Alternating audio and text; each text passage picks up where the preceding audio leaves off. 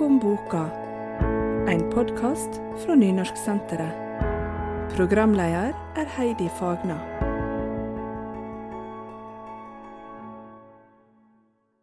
Velkommen til Bakom boka, Sunniva Rellingberg.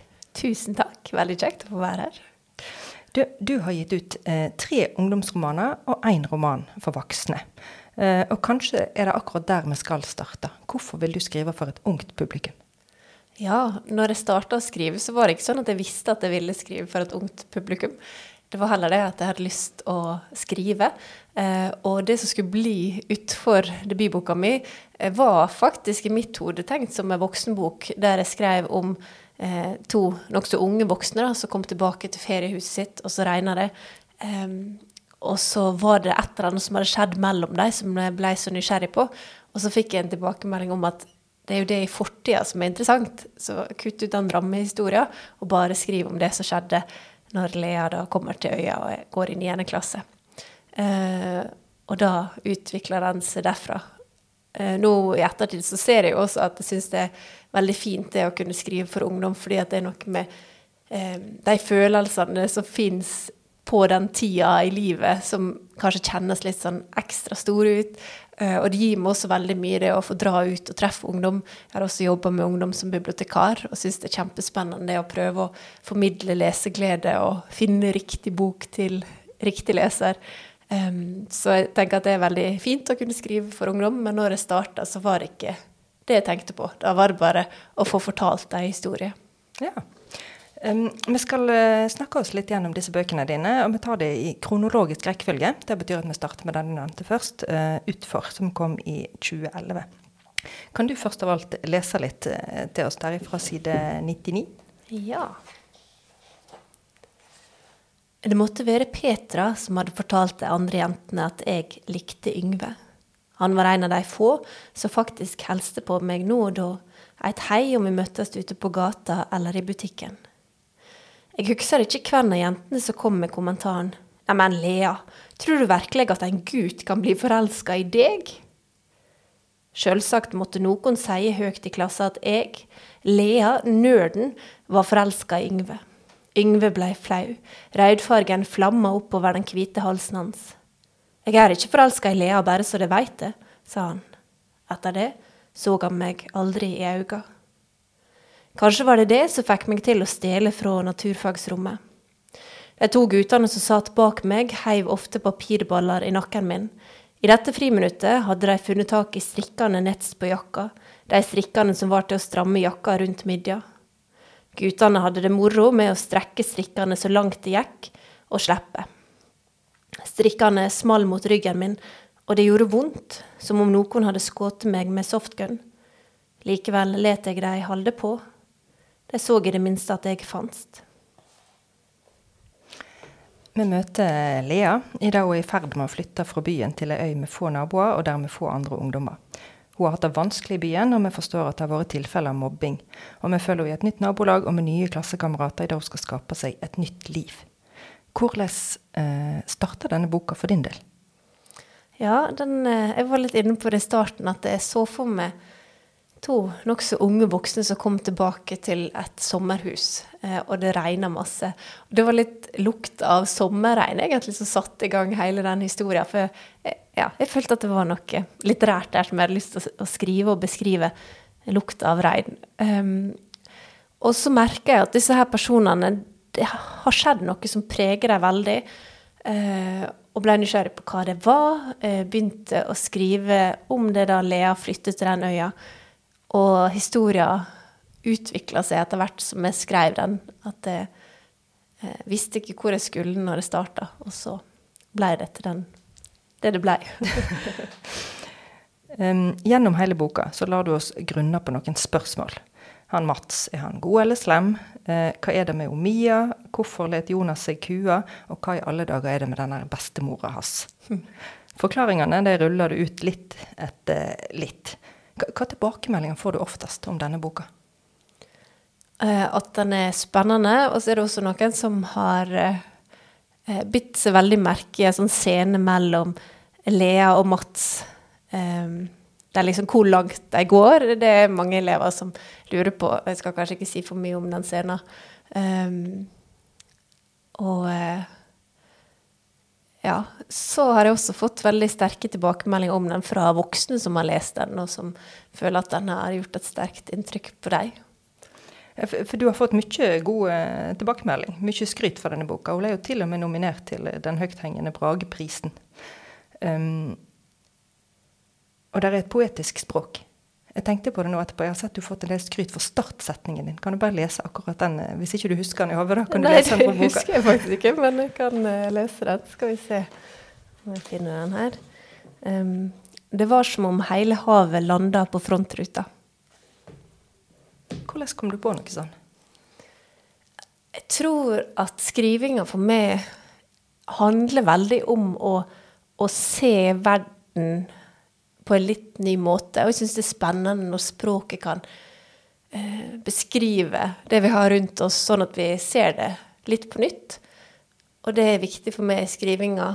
Um, og derfor syns jeg det er gøy å leke med med formuleringer, at det ikke skal være helt sterilt språk. Noen får jo det til veldig godt, men for min del så syns jeg det er gøy dette her å se hva språket kan få til. Og leserne syns jo òg det er gøy. det er bra. Ja, for, for, havet er jo et uh, veldig viktig uh, stikkord for denne boka. Det starter mm. med et stormende hav, ikke sant. Og så er det ikke så uh, ekstremt hav mot slutten. Sånn at ja, det, det, det, det speiler henne indre, kan vi vel si. Ja. ja.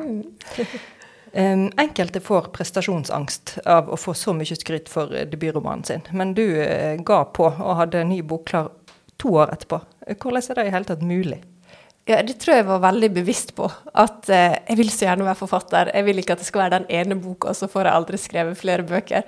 Så jeg begynte eh, tidlig. Og så hadde jeg da eh, gått på Skrivekunstakademiet det året mens jeg var ferdig utfor. Så jeg jobba ikke med utfor på Skrivekunstakademiet, men fikk starta på masse andre nye ting.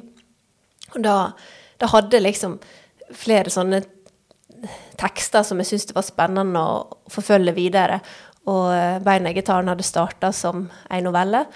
Og da sa jeg også veldig til meg sjøl Dette her historien er ikke den som er mest taktisk å skrive nå. Og jeg hadde først en veldig sånn original idé, tenkte jeg, som jeg skulle skrive, men jeg fikk ikke til å skrive den fordi at den skulle bli så bra og sånn. Og da skrota jeg den ideen og tenkte nå skriver jeg bare det jeg har lyst til å skrive. For det viktigste er at jeg fortsetter å skrive. Og så ble det den boka som jo er veldig annerledes utfor på en måte. Eh, der spenninga er mer på det indre planet enn mer på det ytre i utfor. Da. Men det var, det var, den som kom, da. Hva var det som gjorde at du tenkte den ikke var mest taktisk?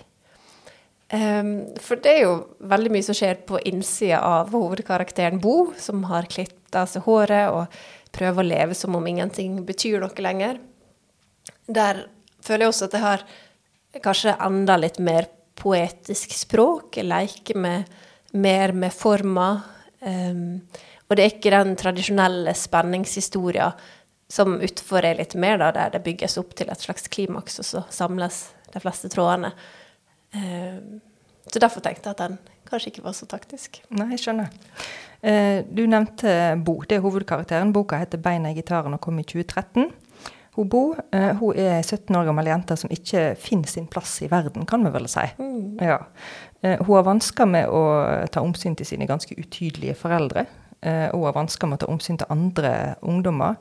og hun gjør en hel del ting som vi bare kjenner at nei, dette må ikke du gjøre. Vær så snill, stopp. Ikke gjør noe sånt.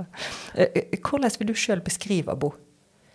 Ja, jeg tror hun lenge har vært og kjent seg veldig usynlig eh, og ikke har blitt sett, som også tittelen spiller litt på.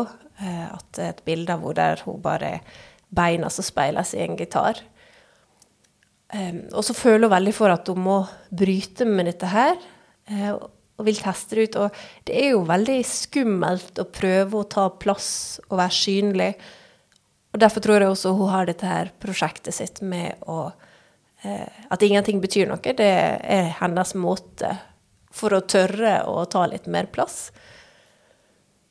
Um, men så har hun nok en desperat lengsel etter at noen skal um, ja, holde rundt henne eller være der for henne, eh, som hun ikke føler at foreldra gjør. Ikke at hun er så bevisst det, sikkert, men eh, ja, jeg tror hun savner litt nærhet.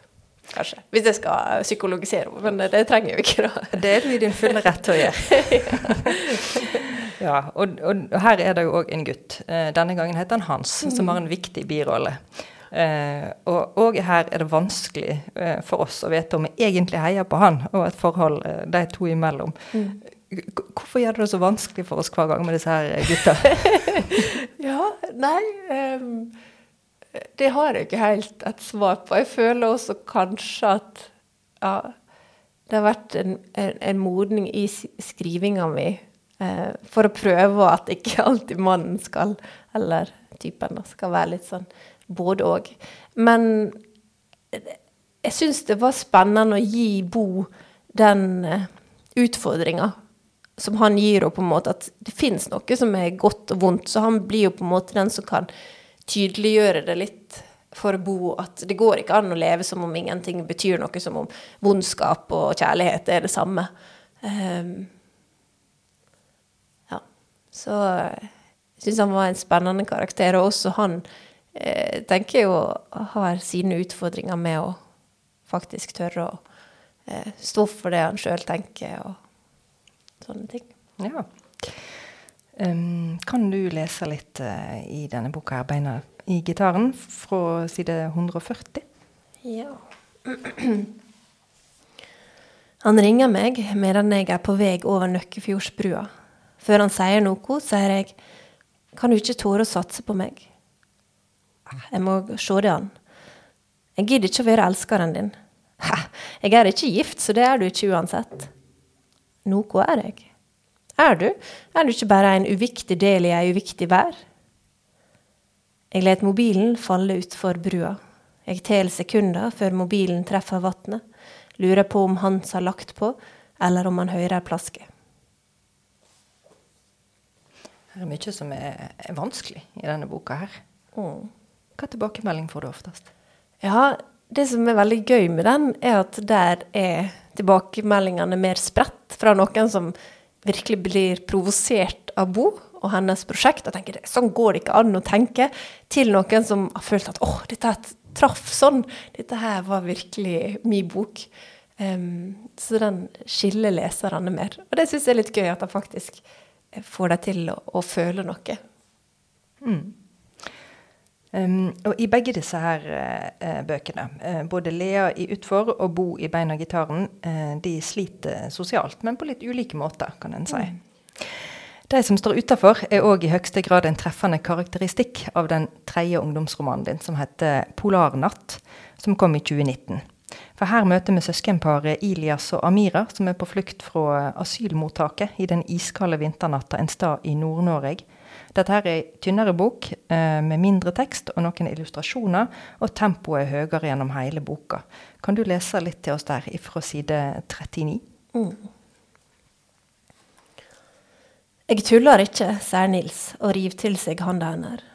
Hun prøver å dra seg løs, men Nils er sterk. Elias blør fra nesen. Han legger seg over på sida og spytter, harker. Hun må hjelpe Elias. Amira biter i armen til Nils men jakka hans er så tjukk. Du husker hvor lagerhuset er, sier Nils. Han drar Amira etter seg. Hvor henne kom eh, denne boka fra? Ja, den kom fra da jeg arbeida på en videregående skole på biblioteket der, og hadde mange elever som nettopp hadde kommet til Norge og skulle lære seg norsk. Og så syns jeg det var vanskelig å finne gode bøker til dem, for de, det fins noen eh, lettlest bøker som er veldig skumle, skumle, skumringsserien til Mangskau, f.eks. Men um, mange av de hadde ikke lyst til å lese noe som var bare mørkt og skummelt og overnaturlig. Eh, de ønska noe med litt mer håp i seg. Og så hadde vi også masse barnebøker og sånn, men det var jeg som sa at jeg vil ikke lese det samme som jeg leser for søsknene mine. Og da begynte jeg å tenke på at jeg hadde lyst til å skrive noe for dem og snakka med dem om hva de kunne tenke seg å lese, og delte også deler av boka underveis for å få tilbakemeldinger fra dem. Og da eh, Så det hadde en helt annen start enn de andre bøkene mine. For da, da var det til dem jeg ønska å skrive. Ja, hvor spennende samarbeid, da. Mm. Hva syns de om boka sånn den ble? Jeg tror de likte den. Eh, og syntes den var spennende, og hadde lyst til å vite hva som skjedde videre. Du ga den ut i samarbeid med Lesersøkerbok. Hvordan, altså, hvor annerledes er en sånn prosess enn eh, til vanlig? Eh, For min del var det en veldig fin prosess. Jeg setter veldig pris på det å få grundige tilbakemeldinger. Og forskjellen på en sånn prosess og de andre bøkene er jo kanskje det at det er eh, to typer redaktører jeg skal forholde meg til. På Samlaget så er det de som handler mer om innhold og historie og sånn, mens Lesersøkerbok er veldig opptatt av at den skal være skrevet på en måte så alle som leser i motvind, også skal kunne lese den. Eh, Og går da veldig nøye på setningene, og at det ikke er veldig lange ord, f.eks. Men eh, det, i, de, i den boka der så var det i hvert fall veldig fint å ha innspill fra begge deler. Ja. Får du annerledes eh, tilbakemeldinger på den nå når hun er ute, Annerledes enn enn en, enn de to første bøkene? Ja, den fikk jo mye mindre oppmerksomhet eh, i pressa og sånn. Eh, men jeg har fått eh, mer oppmerksomhet av skoler og elever. Eh, mange som Foreldre som har sendt meg melding om at eh, ungene deres har lest den og syntes det var spennende og måtte bare lese ferdig for å komme seg gjennom. Eh, så det har vært veldig fint. Tror du eh, eh, presser kanskje undervurderer denne typen bøker, som er litt tynnere og kanskje ikke så krevende å lese? Ja, jeg tror kanskje man kan tenke litt sånn at når det er lettlest, så er det litt ekstra lett bok. Men jeg syns det var utrolig krevende å skrive lettlest.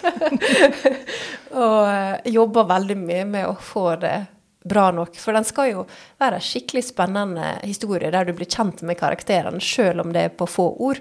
Og det jobber jeg mye med.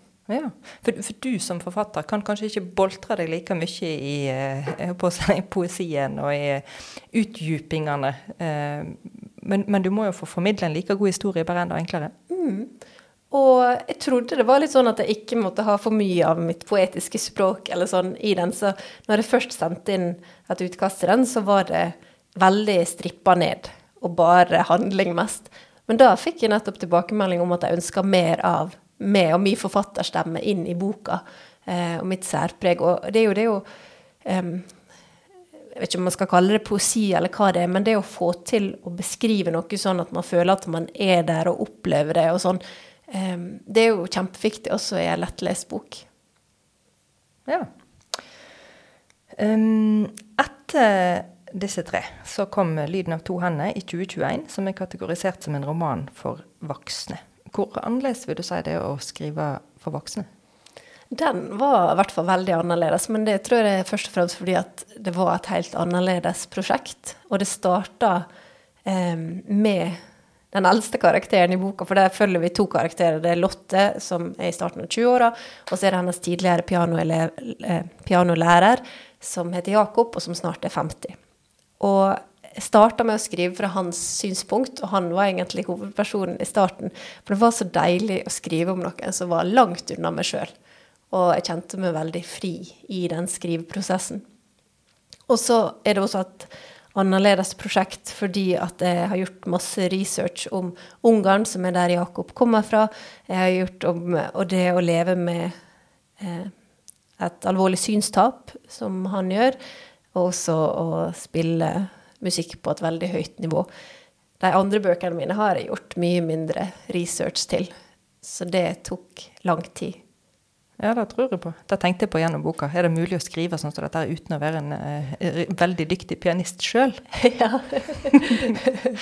Så nå går jeg ut fra at du er det. Nei, men jeg har spilt piano, og så har jeg fått hjelp av en veldig dyktig pianist til å lese gjennom. Du, I 'Lyden av to hender' der møter vi Lotte, som studerer klassisk musikk i Wien. Og vi møter òg alle hender menn. Du nevnte pianolæreren, og så er det faren, og den forrige kjæresten, og han som kanskje blir den neste kjæresten. Og Lotte hun har eh, trøbbel med alle sammen. Hva er det egentlig med Lotte? Ja, jeg tror hun, litt som de andre også, er veldig usikker på seg sjøl. Men jeg tror hun har blitt oppfatta som veldig sikker, og har tenkt på seg sjøl også som det som tør å ta litt andre valg, tør å fokusere bare på musikken og velge det til fordel Ja, vekk, velge vekk mange andre ting, da. Um, men så, når det er noe som går skeis, så raser liksom hele livet hennes. Og jeg har hørt noen som har gitt tilbakemelding om at hun virker veldig sjølopptatt og umoden. Og jeg tror det er en sånn forsvarsmekanisme at hun er så usikker at hun blir veldig sjølopptatt av den grunn. Og eh, også redd for å bli såra. Eh, og slippe folk innpå seg. Um, spesielt denne her ungarske pianolæreren Jakob er et mysterium som blir nøsta opp sånn eh, litt etter litt. Og du nevnte det koster det ganske mye research å finne ut, for han har både synstap og han er ungarsk og kommer fra kommunisttida. Uh, hvordan kom du på denne her karakteren? Ja, det var når jeg gikk på Skrivekunstakademiet at jeg tenkte jeg ville utfordre min egen skriving og skrive som om eh, Eller hva skjer med skrivinga mi hvis jeg ikke kan skildre det som skjer med synssansen? Og da så jeg for meg noen som satt i en stol, og så tenkte jeg ja, hva, hva skjer nå? Jo, det hører stega i trappa som kommer opp hit. Og så kom det da ei kvinne inn i dette rommet der han, karakteren satt. Det viste seg da å være Jakob og Lotte. Og så begynte de å snakke sammen i teksten. da. Så lurte jeg hva, hva er det som har skjedd her tidligere? Så var det først en skriveøvelse, så fikk jeg spørsmål om å skrive en novelle til en antologi. Så eh, huska jeg den skriveøvelsen. tenkte Jeg var så nysgjerrig på disse folka. Hva var det egentlig som skjedde der? Så skrev jeg det til en novelle. Og så er det ofte sånn at eh, historiene mine vokser ut av novelleformer. Og så vil jeg fortsette å finne ut av hva er det som har skjedd her. Og det er jo virkelig, eh, er jo virkelig en, eh, en gjennomarbeid historie. Her er veldig mye som, eh, som klaffer, hvis det går an å si det om ei bok. Ja, det syns jeg absolutt. En veldig god bok. Um, språket er poetisk, boka er spennende, og personene er komplekse.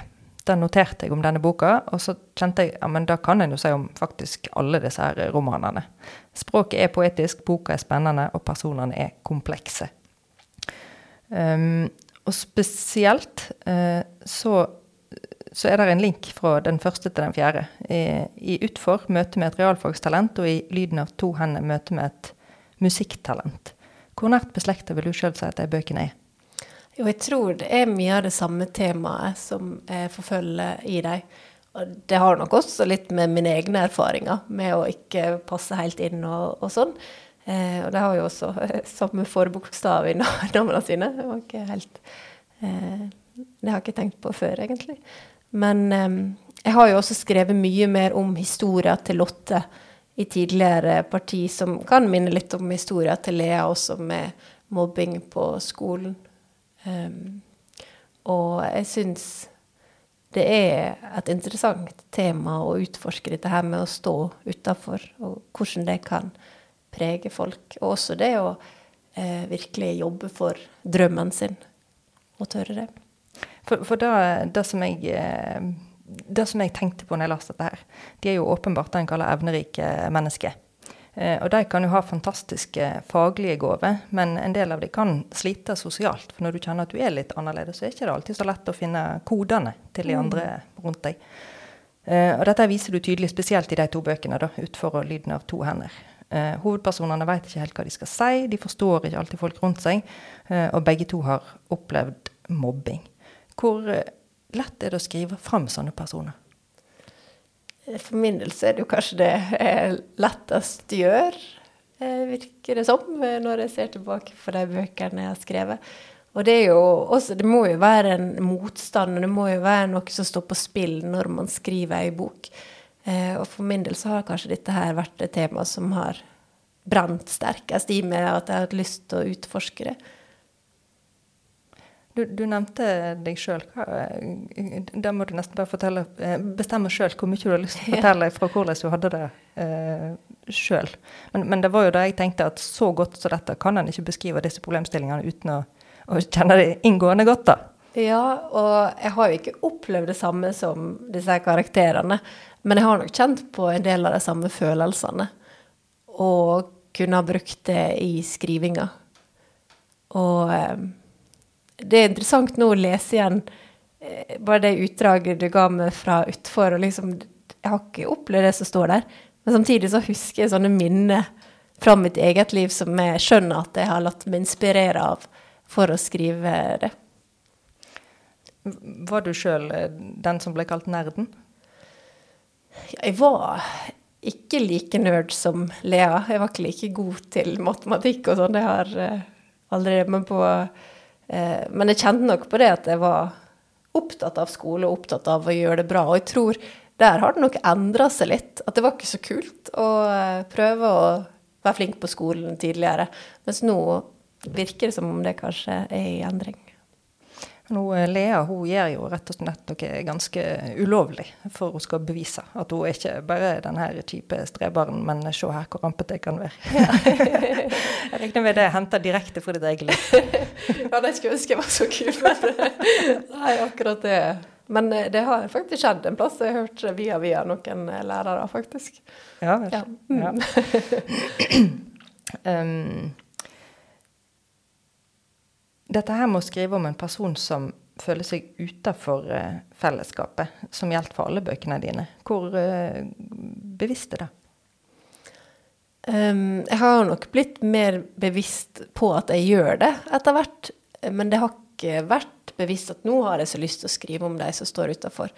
Men uh, det er mer det at det er det som kommer, og det er der jeg føler jeg har noe å si og bidra med, kanskje. Hun Lea vet du, hun eh, er jo det som en kaller et barn med stort læringspotensial. Så hun bryter jo ut i avansert matematikk eller fysikk, eh, både når det passer og når ikke det passer. Mest inni hodet sikkert, da, men, ja. men, det er jo tydelig for de andre rundt henne òg at, at, hun er god på dette her. Um, tror du hun kan være en hovedkarakter som kan være litt vanskelig for folk å identifisere seg med? Ja, og det har vært noen elever som har sagt 'hvorfor skriver du alltid med sånne som er litt rare'? Men så tenker jeg at det er fint at de også fins i litteraturen. Og så er selvfølgelig må vi ha mange som ikke er sånn også i litteraturen, men jeg tror kanskje ikke jeg skal skrive om de som er superpopulære, eller sånn, eller hvem vet hva jeg skal skrive om. Men eh, vi trenger begge deler, og så har jeg følt at dette her er de historiene jeg vil skrive. Så langt har du fått gode tilbakemeldinger på bøkene dine, så jeg tror du er på et godt spor. det er bra. um, hva vil du si er rolla til litteraturen? Oh, det er et stort spørsmål. Og um, jeg er kanskje ikke så opptatt av at um, det må være i bokform, men jeg tror historie er utrolig viktig for menneskeheten. For å lære om hverandre, lære mer om empati, få forståelse for hvordan det kan være å stå utafor, eller få forståelse for hvordan det kan være å være på flukt.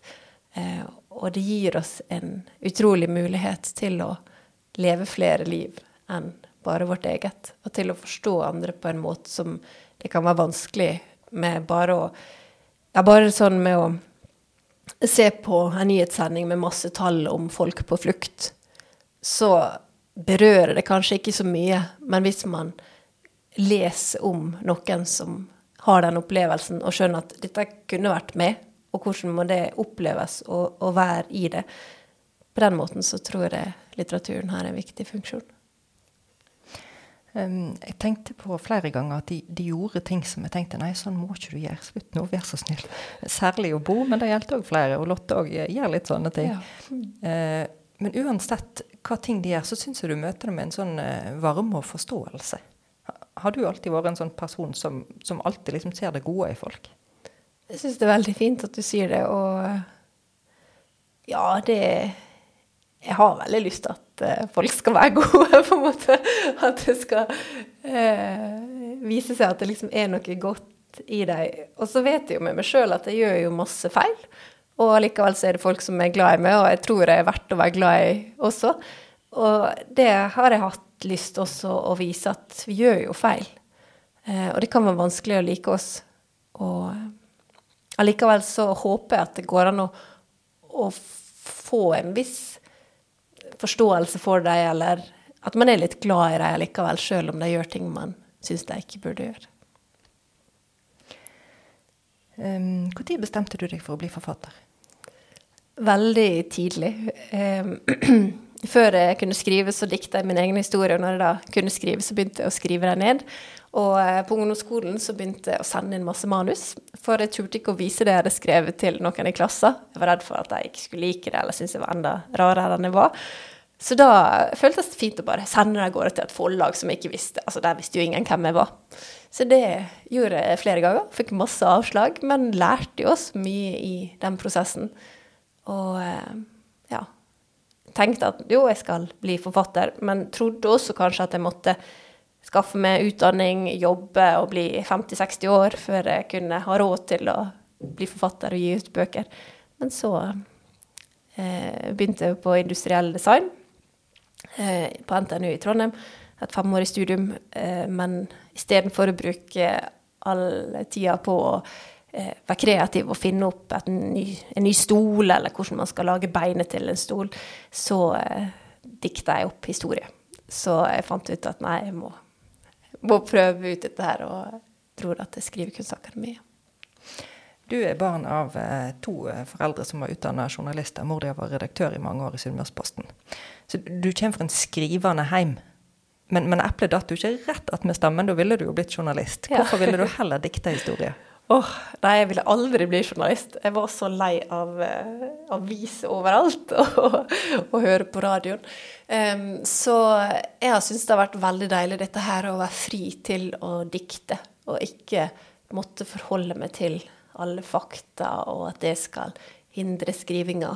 Og jeg syns også at det um, har mulighet til å si noe om verden vi lever i, på en annen måte enn journalistikk så har jeg jo vokst litt og ser jo helt klart eh, alt det fine med journalistikken, at vi trenger det. Og, og det har jo ikke vært sånn i hjemmet mitt at det, at det, er feil å skrive bøker heller. Mamma og pappa er jo veldig glad i bøker også, så eh, jeg har jo alltid liksom gått i bokhyllene hjemme og funnet gode bøker og blitt lest for tidlig.